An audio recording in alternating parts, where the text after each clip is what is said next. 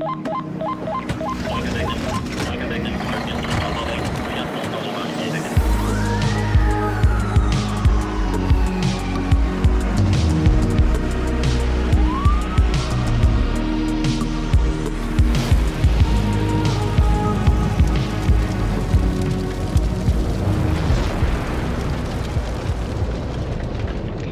Ja, hei og velkommen til en eh, ny episode av eh, Brannkast. I dag skal vi snakke om industrivernet. I dag er min gjest eh, Knut Oskar Gilje fra Næringslivets sikkerhetsorganisasjon, også kalt NSO. Hei, og velkommen skal du være, Knut Oskar. Takk skal du ha, du. Hyggelig å være her. Ja, Veldig kjekt at du har lyst til å bli med på podkasten i dag. Ja, du vet, det er vanskelig å si nei til en sånn invitasjon, så, så dette ser jeg frem til. Ja, ja, men Det er bra. Setter pris på det. Eh, så Hvis vi begynner, da. Hvem er egentlig du? Eh, kan du fortelle litt om eh, deg sjøl? Ja, det pleier ikke å være så stor på det. Men jeg er direktør i Næringslivets sikkerhetsorganisasjon. Lederorganisasjonen, med andre ord. Har vært det nå veldig snart i sju år. Har veldig stas med det. Har en bakgrunn som sivilingeniør maskin langt, langt, langt tilbake i tid jobba mye med, med, sikkerhet og beredskap i ulike bransjer. Eh, også en del arbeidsmiljørelaterte eh, saker. Og så har det vært en del ledelsesoppgaver som, som har vært eh, på, min, på, min, agenda, for å si det sånn. Så jeg kom fra rollen som administrerende direktør i, i rådgivningsfirmaet Safetech. Så det var en, en gjeng som jobba mye også mot olja. og, og mye beredskap og mye sikkerhet og mye risikoanalyser. Så, så, der har jeg fått med meg en god del eh, sånn basiskunnskap. Ja. Spennende. Ja, jeg godt utdannet og alt på stell, for, for å si det sånn. Eh, ja. Så hva, det, så hva driver egentlig NSO med, da? Jo, vi, vi er, uh, understreker det gjerne litt ofte. Vi, vi, er først og fremst et tilsynsmyndighet. Uh, vi fører tilsyn med industrivernordningen. Nå skal vi snakke mer om den etter hvert. Uh, hovedoppgavene våre er knytta til, uh, til, det. Uh, vi får et, som det heter, et forventningsbrev fra Direktoratet for samfunnssikkerhet og beredskap hvert år. Og Der står det noe om hovedoppgaver. og Det er nesten fristende å, å, å sitere de litt. for der, der, legges det vekt på at vi både skal være en pådriver og samarbeidspart innen industrivern og arbeide for at virksomhetene systematisk identifiserer og synliggjør risiko for å tilpasse eget industrivern. Og stikkordet 'tilpasse' det kommer jeg en del tilbake til. Mm. Industrivern er eh, rett og slett da tilpassa de risikoforholdene som gjelder for den enkelte bedrift. Og så I tillegg skal vi være med å, å styrke virksomhetenes evne til å håndtere disse uønskede hendelsene. Og stim, ikke minst også stimulere til videreutvikling av samarbeidet mellom industrivern og kommuner og nødetater. Og der er jo Derfor jeg er litt ekstra glad for å kunne snakke på, på, på denne podkasten her. Dette, dette er viktig for oss. Så vi skal spre budskap om hva industrivern er. Eh, og, og, ikke minst da også hva vi kan bidra med ute i lokalmiljøene. Mm, så absolutt. Eh, og det er litt den grunnen til at jeg har lyst til å lage denne episoden. fordi um, om industrivernet. For jeg ønsker å belyse mulighetene da, med, med, det her. Altså Belyse hva det er og hva de kan. For jeg syns det er så utrolig spennende at man har ressurser man fort ikke tenker på. Man tenker jo fort at man kun har det lokale brannvesenet. Men men ikke for å gå inn på det for mye eh, nå, da. Eh, er, men det er jo spennende å tenke på det. Eh, men vi må jo begynne litt på basic i forhold til industrivern. Eh, industrivern er jo industriens egen beredskap som skal raskt håndtere branntilløp eller personskader eller lekkasjer av gass og farlige kjemikalier før nødetatene kommer. Er det riktig? Ja, det syns jeg er en fin oppsummering. Um, uh, industrivernet har jo fordelen med at de da er på stedet. Uh, de, de, jobber jo i industrien, altså folka i industrivernet. Det er vanlige arbeidere, vanlige operatører på, på ulike typer industrivirksomheter. Um, og, og, de står jo da bokstavelig talt midt oppi det hvis det skjer noe. Uh, og det er jo det som er uh, fordelen da med en førsteinnsats som er trent uh, fra disse som er engasjert i industrivernet. Eh, de er da nærme. Eh, de skal være trent. De skal være trent på de relevante oppgavene som er knytta til det som kan skje hos dem. Um, og, det er eh, særdeles vesentlig også, et, poeng som vi helt sikkert kommer tilbake til, at de også kjenner virksomheten. De kjenner potensialet i, de hendelsene som oppstår. Er det farlige kjemikalier? Er det en prosess som, som kan eskalere hvis det, hvis det, skjer en feil?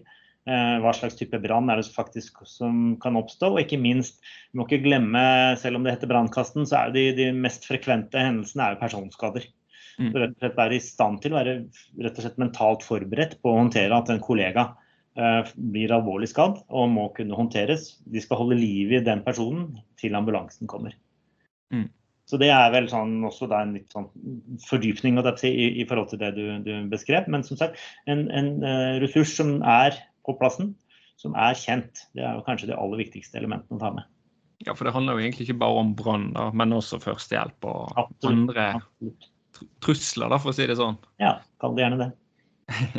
Eh, men eh, det er vel ikke industrivernet i hver enkelt bedrift? Nei, det, det, er ikke det. Det er et krav som, eh, som kommer fram av vår forskrift. Altså vi forvalter en forskrift som heter forskrift om industrivern, gledelig nok. Som beskriver hvordan ordningen skal settes opp. Og, og den beskriver jo da også hvem som er industrivernpliktige, som vi kaller det. Kort fortalt så er det de som driver med produksjon av noe.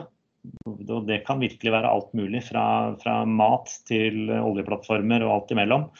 Eh, vi har også nå fått med, med de store eh, Angro-lagrene, sånn type Asko, Rema 1000 og, og Coop og alle disse. her. Stor aktivitet, masse, masse håndtering av gods i, i, av alle typer karakterer. Det er også selvfølgelig farlige stoffer innimellom der eh, for en del. Uh, og så skal det være av en viss størrelse, disse virksomhetene. De skal være over uh, eh, 40 sysselsatte sånn på snitt. Det, det, er det vi sier. Det inkluderer da eh, innleide hvis de har liksom, ja, f.eks. et verft har jo masse innleide folk i, når de er i travle perioder. Så da skal man regne med dette her, utligne det over et år. Da. Så er det noen bransjer, og der er det viktig for meg å nevne gjenvinningsbransjen, altså avfall og gjenvinning. De, der har vi satt kravet lavere. Så der skal det ikke være mer enn 20 sysselsatte før de er industrivernpliktige. Og det er jo åpenbart knytta til at det er en bransje med veldig mye hendelser, veldig mye branner. Uh, og store konsekvenser for omgivelsene ved disse brannene også. Det er langvarige branner, som sagt, og det er mye skummel røyk på et sånt type anlegg. Mm. Og Der kan jeg jo kaste inn brannfakkel, det er et veldig dårlig uttrykk, jeg vet det, men la oss eh, si at jeg gjør det likevel. Der er det rett og slett uh, hver og en av oss, uh, alle dere som hører på, skjerpings, folkens. Det er vi som hiver batterier i søpla. Det må vi slutte med. Mm. Det må vi seriøst slutte med. Det brenner altså så mye pga. Ja, i store gåseøyne gjenglemte batterier og elektroniske artikler som vi pælmer eh, i, i vanlig søppel. Og det, det må vi rett og slett bare slutte med. Så hvordan skal vi kaste batteriene? da? Jeg vet jo at det er et stort problem i hvert fall på disse her avfallsanleggene at det tar fyr. Men eh, altså, hvis vi skal på en måte komme med et, et tiltak i forhold til disse batteriene, ligger det et glass da, eller? Ja, legg det på, på et glass, eller legg det i hvert fall trygt et sted hvor du kan ta det med deg. Om, om du har en innsamlingsgreie på jobben, om det er lokal eh, elektronikkbutikk som, som, plikter å ta imot litt av hvert.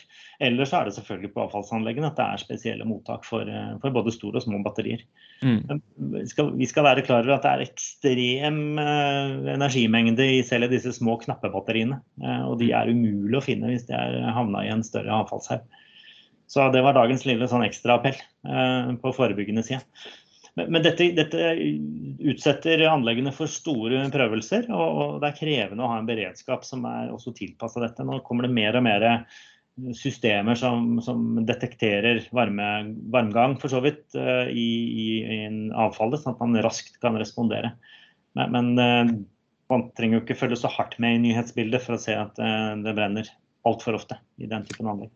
Ja, jeg har merket det selv. Også når de skal faktisk slukke brann, så er det utrolig krevende også. Så du må kanskje til og med begynne å grave opp i bosset og lette på det. Og, altså det, det, er ikke bare å spyle på med vann eh, når dette skjer. Nei, og der, og der, er jo industrivern på avfalls- og gjenvinningsanlegg er jo nettopp eh, folk som da skal kunne operere den typen maskiner du snakker om der, som kan løfte og grave ut, fjerne rett og slett brennbart materiale. Få det ut sånn at det er mulig å komme til på, på slukking. Eh, så det, det, er jo, la oss kalle det noen interessante diskusjoner på, på hvor langt man kan gå i, i det å kjøre en maskin inn i, eh, i en situasjon som, som er røykfylt. Da. De har ikke lov til å kjøre inn, egentlig, eh, for da skal du være røykdykker. Så der har vi mange diskusjoner på, på, eh, på dette her med, med, bruk av pusteluft, som da ikke gjør deg til noen røykdykker, men uh, at man bruker uh, pusteluft som en beskyttelses... Et, et, personlig verneutstyr, rett og slett. Mm. Det er vesentlig, og vi vet at det er litt vanskelig å få alt dette skikkelig på plass når det smeller. Så dette må man øve på, rett og slett. Ja, absolutt. Vi vet jo ikke helt alltid hva som hva som brenner heller. Eller du kan jo vite til en viss grad, men eh, det vil jo avgi mye farlige gasser. Så det kan jo være greit å holde seg på, den sikre siden. da. Ja, definitivt. Altså, tilbake til batterier. De kan jo avgi en aldeles forferdelig giftig røyk, for å bruke et sånt begrep. Eh, det er jo ingen røyk som er helsebringende. Det, men, eh, både brann i møbler, altså en del skumgummiartikler og madrassstoffer er jo kan avgi veldig farlige gasser. Og, og, som sagt batterier, som, som, er eh, litt sånn spesielle saker. Men, men, som du sier, du vet jo ikke hva som brenner. Det, eller du vet noe av det, men, men, eh, der skal man være på den sikre siden. Ja. Og det er jo noe vi snakker mye om også for industrivernets eget personell. Og de skal jo kunne informere nødetater på vei inn at her kan man bli eksponert for, for spesielt farlig røyk, f.eks. Mm, mm. Ja, det er spennende. Um, vi ser jo at eh, brannfolk, eh, alt fra røykdykkere til dykkere til kjemikaliedykkere til ja, også redningsmenn, da, har jo snakket veldig mye om eh, ansvarsområdet i brannvesenet. Men mm. hvordan er det egentlig her? Altså, hva, hva slags roller kan man ha i et industrivern? Ja, vi, vi, har noen sånn faginndelinger for så vidt. Men, men uh, jeg kan jo starte med å si at vi, vi, uh, vi, er egentlig ganske opptatt av at de skal være tverrfaglige. Uh, de skal kunne håndtere både en personskade de skal kunne håndtere det slukkemiddelet de måtte ha tilgjengelig. Men så har vi et, ja, vi har et nivå som vi kaller grunnleggende industrivern. Da er det veldig mye sånn tverrfaglighet. Da må man kunne hjelpe til med alt som måtte dukke opp. Da er det et tross alt noe begrensa risikopotensialet vi snakker om. Eh, risikoen for, for, veldig store konsekvenser, veldig alvorlige konsekvenser, skal da være lavere enn, for de litt større og tyngre virksomhetene. De store industrivirksomhetene har eh, gjerne flere fagområder som de spesialiserer folk på. Førstehjelp eh, er jo et av dem. Forsterka brannvern er et annet. Da er vi inne i et område hvor vi sier at, eller innenfor et fagområde med hvor de da må ha mm, tilgang til, til mer slukkemidler enn bare håndslukkere og husbrannslanger. Da må de øve på det. De må kunne håndtere mer slangemateriell. De må kunne forstå hvordan man skal eh, sette trykk og holde trykk og, og, og, alt dette her. Og så er det ikke minst eh, selvfølgelig røyk- og kjemikaliedykking, som er en spesialidrett som man må være skikket for å, å, å være en del av der er det mange som sliter. Det er de samme kravene som gjelder for industrivern, eh, røykdykkere i industrivern, som i en eh, kommunal branntjeneste eller brann- og redningstjeneste. Så det betyr at det er mange som eh, kanskje sliter som sagt, med å holde kapasiteten oppe på, på det antallet folk, sånn at de til enhver tid kan stille med røyk- og kjemikaliedykkere. Mm. Um, så, så, der er vi ganske nøye på tilsyn, rett og slett, med, med å sjekke ut om de er kvalifisert, om de med øver nok.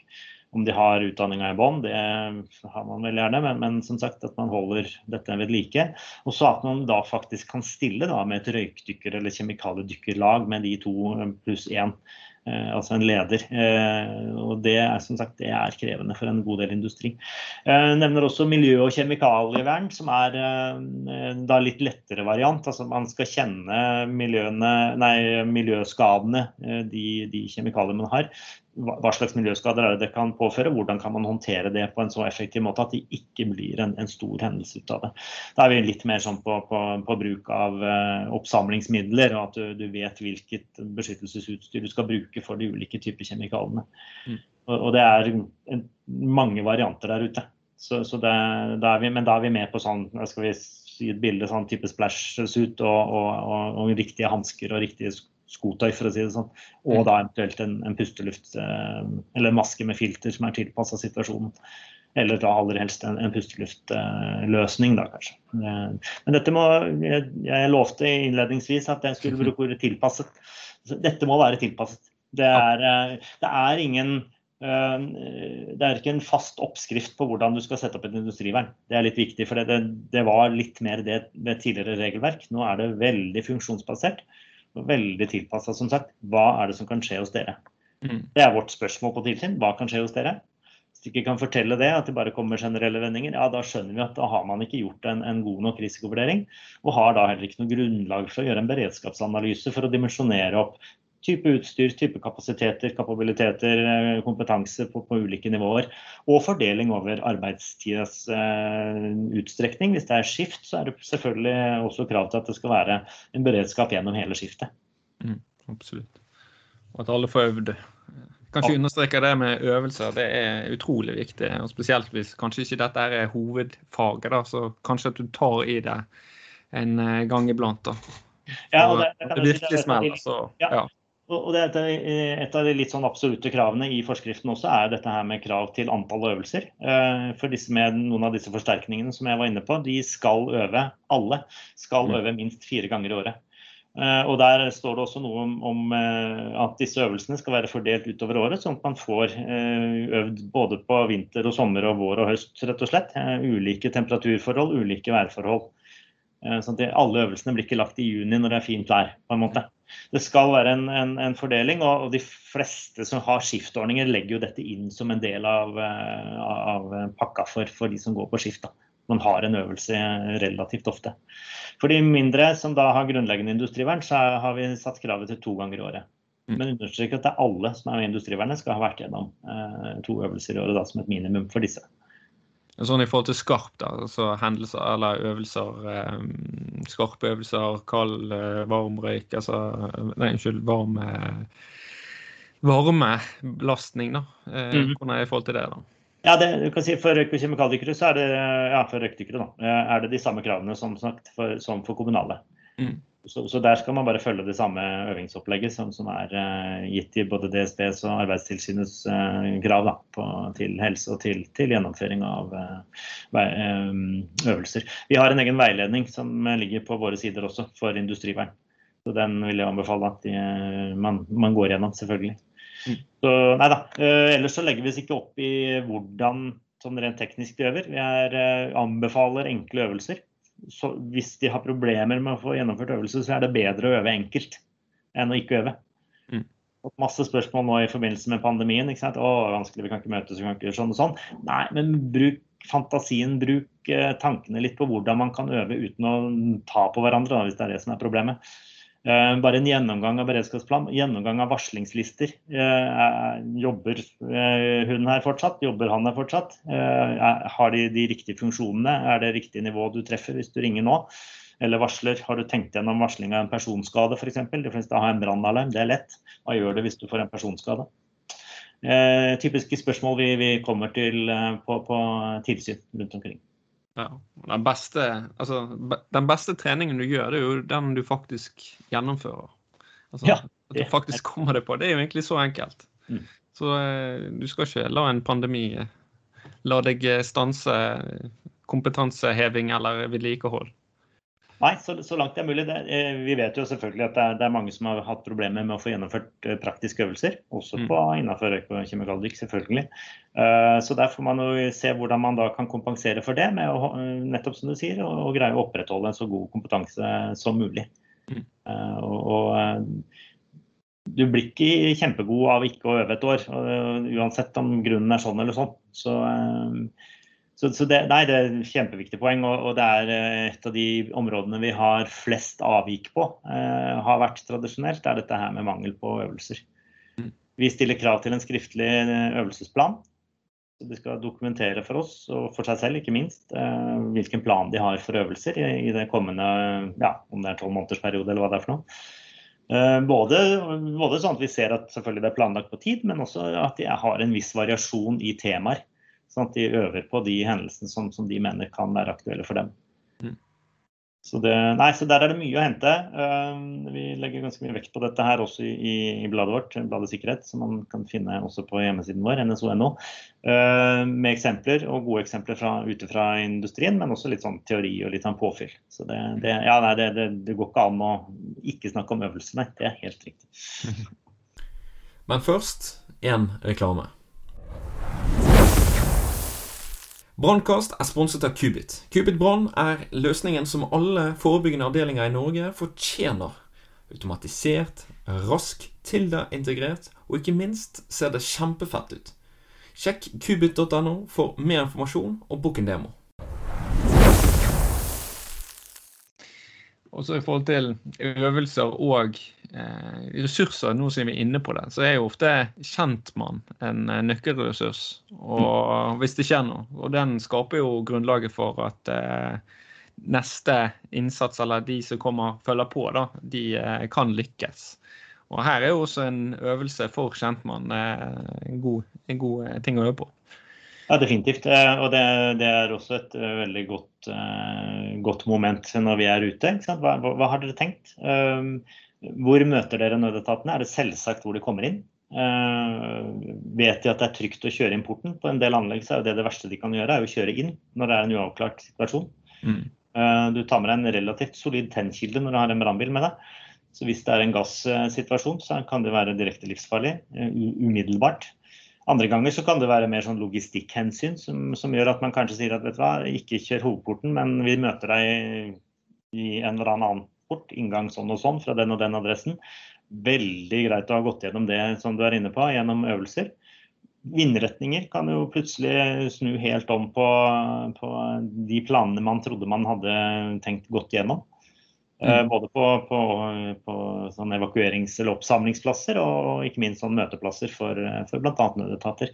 Og en kjentmann, det, det, vi, det, er nesten en egen episode, altså bare så det er nevnt. Um, men ja, det er jo det vi vet at nødetatene er mest opptatt av, veldig ofte. Rett og slett hvor er det trygt å stå?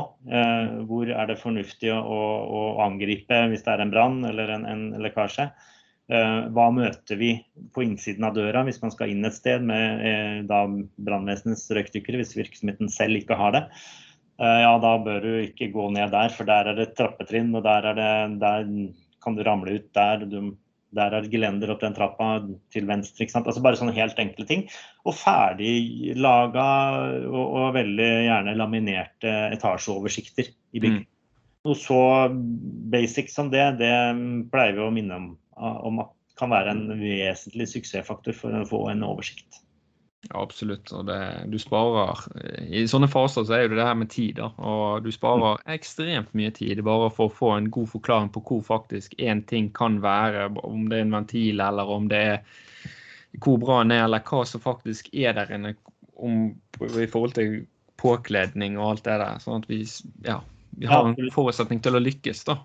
Ja, og ikke, og ikke minst, altså, nå har vi ikke sagt det, men det, det, det, brannvesenet kan jo ikke vite om alle har kommet seg ut. Altså, det er jo de som jobber der som vet om de savner en kollega, eller som, de ser at alle er ute av, av eh, det området det bygget det dreier seg om. Det er jo den store forskjellen på, på ressursbehovet også i en uh, aksjon, selvfølgelig.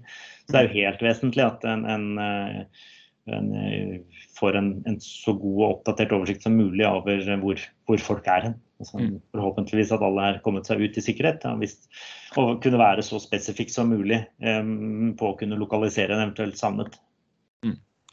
Altså absolutt. Eh, altså, vi har jo vært litt inne på det, men eh, hvis vi skulle oppsummere, da, hva, hva, slags utfordringer har industrivernet da, som kanskje ikke er vanlig for brannvesenet? Altså vi har jo vært inne på det her med lagre og avfallsanlegg, da, men hvis vi skulle mm. oppsummert, da?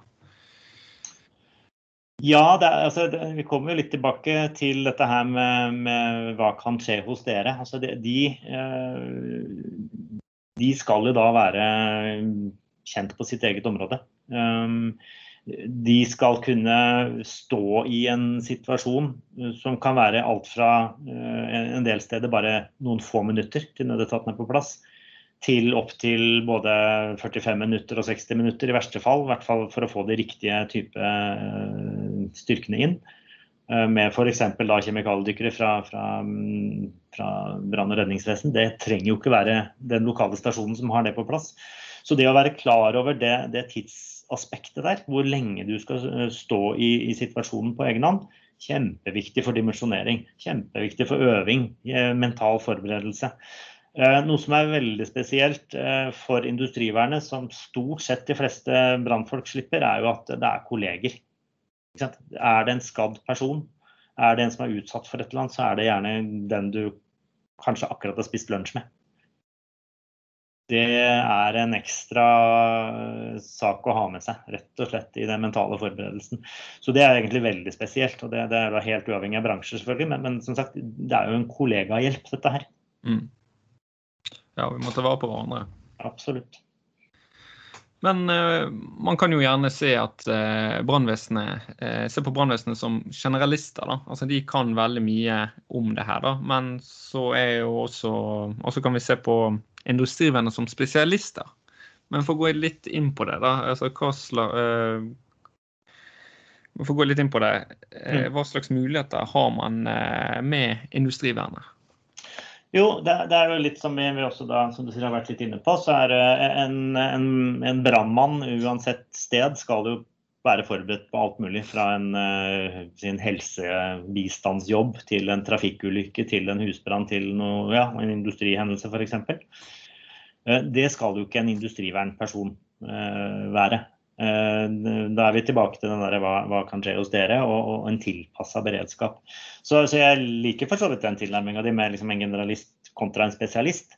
Eh, men det er viktig at vi ikke lager det for svært heller, på en måte. For den spesialisten skal jo nettopp være spesialist på sine ting. På sitt område, på sine kjemikalier, eh, på sine typiske personskader og, og miljøproblemstillinger. Så, så, det er en, det er en altså, viktig avklaring av, av, eh, hva skal vi kalle det, forventninger til hverandre. Altså en, eh, du kan ikke plutselig sette inn en industriverner inn i et eh, typisk brannmannjobb uten at de har trent på det. Selv om man ser ut som er skikkelig fancy oppkledd, for de har ofte en god del bra utstyr. Uh, men litt bedre. ja da, jeg har nå sett uh, ganske shiny greier. Ja. Det, det, noen har en del penger å sette av på dette, det er kjempebra. Og en det skal jo også sies, En del av industrien er jo de som lager de farlige stoffene. Det er de som håndterer store mengder av sånn helt umulige kjemikalier. på en måte. Mm. Uh, og Da må du være spesialist. Du må ha det helt uh, fullstendig oppdatert utstyret. Hvis ikke så, så går det skikkelig gærent. Eh, så, så, det er jo også si, Fordelen for et, et eh, kommunalt brann- og redningsvesen er at de da kommer til folk som vet hva de driver med. Og eventuelt også har utstyr som de kan låne bort eh, til andre, og, eller til, til brannvesenet. Og da er vi også inne på en, på en ganske viktig del av samspillet mellom industrivern og brann og redning, er jo nettopp dette her å ha snakka sammen på forhånd. Mm. At brannvesenet er kjent med forhold på virksomhetene. At de vet hva slags utstyr som er der, og eventuelt har øvd sammen med industrivernet. Og det er vi veldig opptatt av, særlig på de farlige, farlige stedene hvor det, det er store, mulig store konsekvenser. Røykdykking er farlig. Per definisjon så er det livsfarlig. på en måte. Eh, selv en, selv en, en enkeltperson, altså en kjentmann, røykdykker-kjentmann som vi av og til snakker om, mm. Eh, tenker vi det er helt avgjørende at det, de har øvd sammen med de folka de eventuelt skal være kjentmann for. Så vi er veldig opptatt av å, å snakke om lokalt samarbeid. Um, da kjenner man hverandre. Så er det selvfølgelig en, en, del av situasjonen er jo også at uh, det er mye deltidsbrannvesen, selvfølgelig. Og masse av de deltidsfolka jobber jo i industrien. Um, og, og, og, det betyr jo en stor fordel uh, for mange. Uh, at de da allerede kan og, og får trening i, i, med brannvesenets utstyr. Eh, og at de eh, da også tar med seg kunnskap om sin egen arbeidsplass inn til kollegene i deltidsbrannvesenet. Så, så, det er jo ordninger vi, vi liker veldig godt. Eh, så, så det, det, er en styrke, rett og slett. Men, men den samsnakkinga mellom nødetatene, da spesielt brannvesenet og industrien, den, det er jo en del som jeg var inne på i starten, det er jo en del av våre hovedoppgaver også. Mm. Det er vesentlig for oss å få det på plass. Og, og, det er like vesentlig for så vidt at kommunen, altså ved beredskapsplanleggere eller hva det må, måtte hete, koordinatorer eller hva slags funksjoner de har, at de også kjenner til eh, potensialet i, i virksomhetene rundt seg. Mm.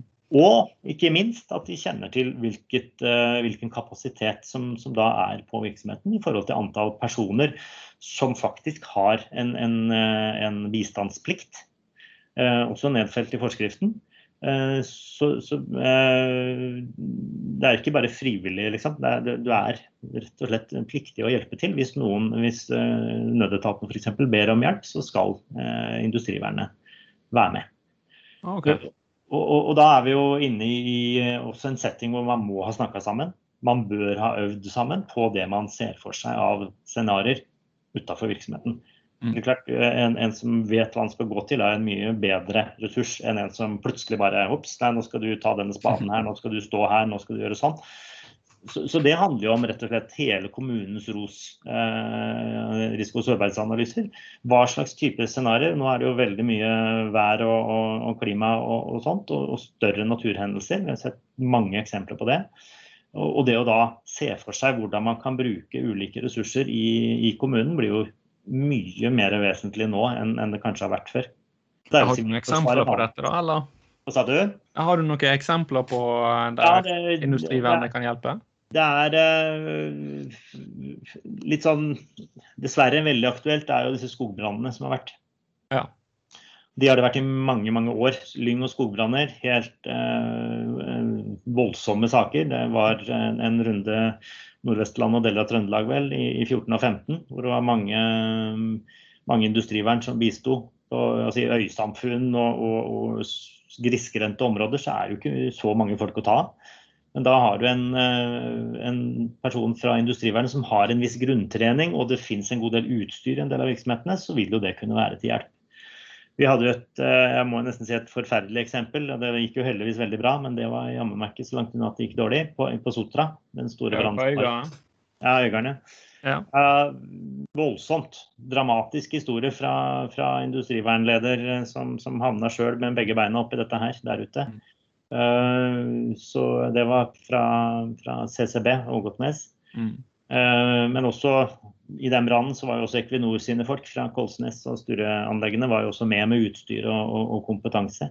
Det er jo et av de siste litt sånn store eksemplene. Ellers så er det Vi vet at Kongsberg har jo en uh, altså Kongsberg teknologipark, KTP som vi kaller dem.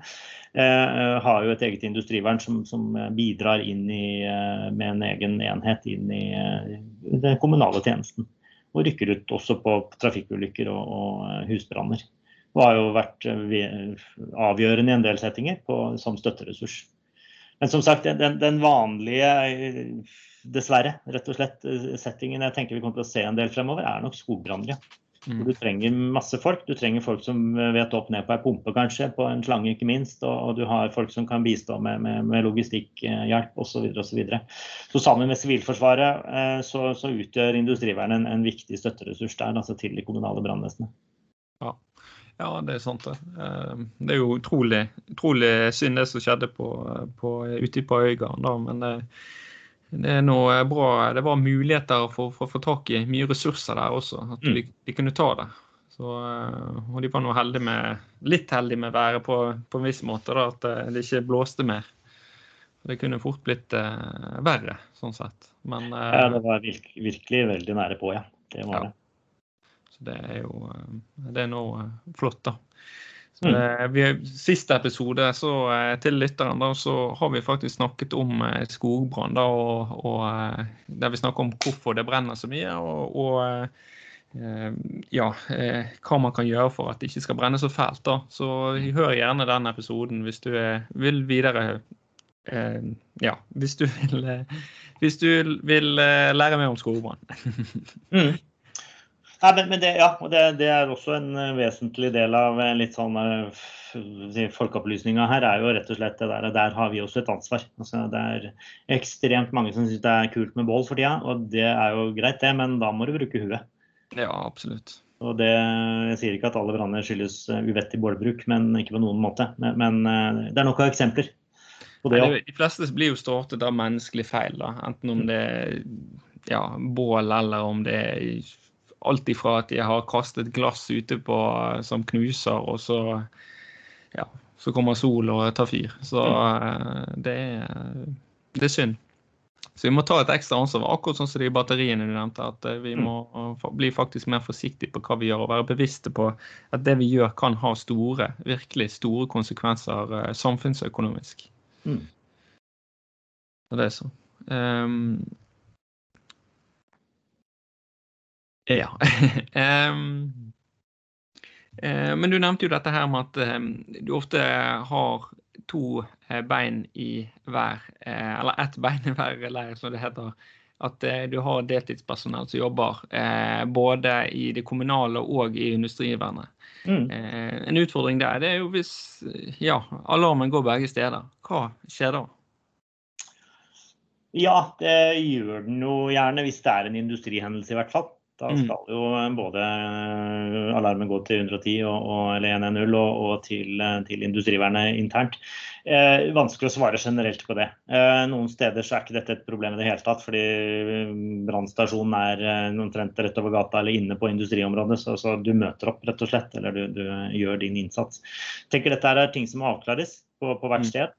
Det skal jo settes opp stående ordre og tiltakskort og sånt noe, som, som må adressere også den problemstillinga. Definitivt tror ikke dette er en kjempestor utfordring. Altså. Det, det, er jo fleksible folk dette her, som, eh, som, har eh, kunnskap om hva som er fornuftig å gjøre. Så dette har ikke vært noe tema som, eh, som er veldig høyt oppe på dagsordenen hos oss, i hvert fall. Nei, Nei det, du vet jo aldri. Nei, det skal være sikkert og visst. Blir jo, man blir jo for, får jo fortsatt masse overrasker på hva som kan skje, og hvordan ting har skjedd. Så, ja, ja. Det, det, er en interessant diskusjon generelt i Beredskaps-Norge, syns jeg. Det med, med, hvilke hatter man har på. Hvor mange, eller, si sånn, hvor mange ganger telles eh, Pål og Eva som ressurser? Ja. Eh, er du både det og det og det og det? Eh, du kan ikke være mer enn ett sted av gangen. Eh, sånn at vi faktisk er litt tydelige på det. Og Da er vi igjen på lokalt nivå. Da er jeg ikke på noen nasjonale svære planer, eller sånt, men, men rett og slett å være kjent lokalt. For det, du veit hvem som møter opp. hvem som, Nei, søren, han er jo Røde Kors, så han kan jo ikke sånn. Eller han er i Heimevernet eller Sivilforsvaret, han er der, og hun er med der, osv. osv. Så, så, men si, det, det, er en del av en, ja, en mer sånn totalforsvarstanke. Mm. Uh, og der er ikke Norge ferdig, for å si det litt enkelt. Ja. Eh, vi har jo vært litt inne på det, men sånn avslutningsvis, hvis vi skal oppsummere, hva er det som må til da for at vi skal lykkes i, med samarbeid eh, mellom industrivern og det kommunale brannvesenet?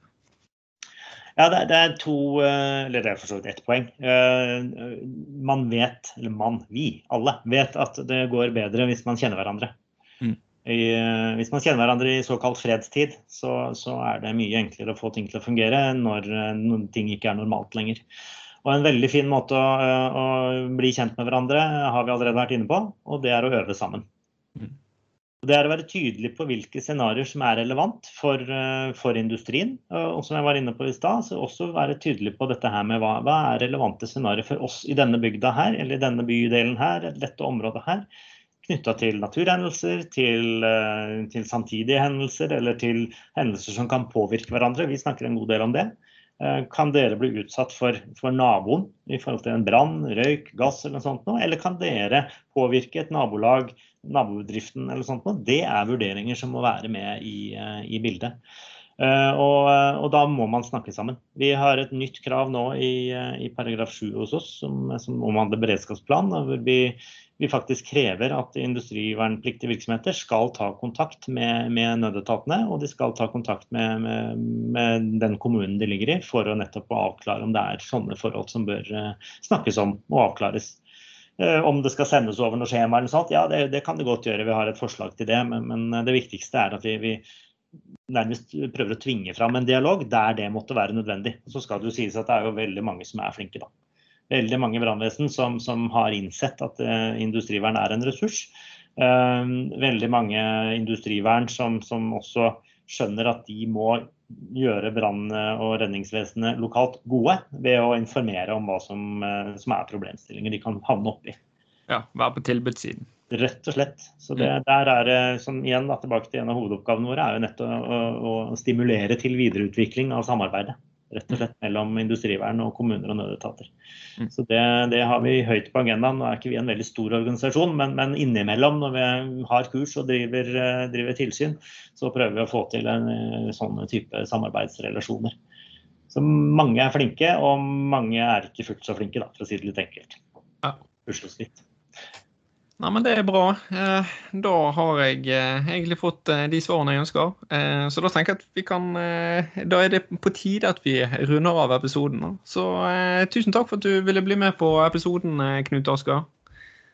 Jo, bare hyggelig og veldig, veldig artig. Og um, håper at det er noen som uh, tar med seg et og annet poeng. Uh, veldig nyttig uh, at de som er opptatt av brann og beredskap, også kjenner til industrivern. Ja, absolutt. Og jeg har selv lært mye her, da. Så jeg oppfordrer at brannvesenet blir bedre eh, kjent med industrivernet i nærområdet. da. Så ikke la denne ressursen eh, bli eh, glemt. Yes, Da vil jeg bare si takk til lytteren som hørte på, og følg oss videre. Vi høres.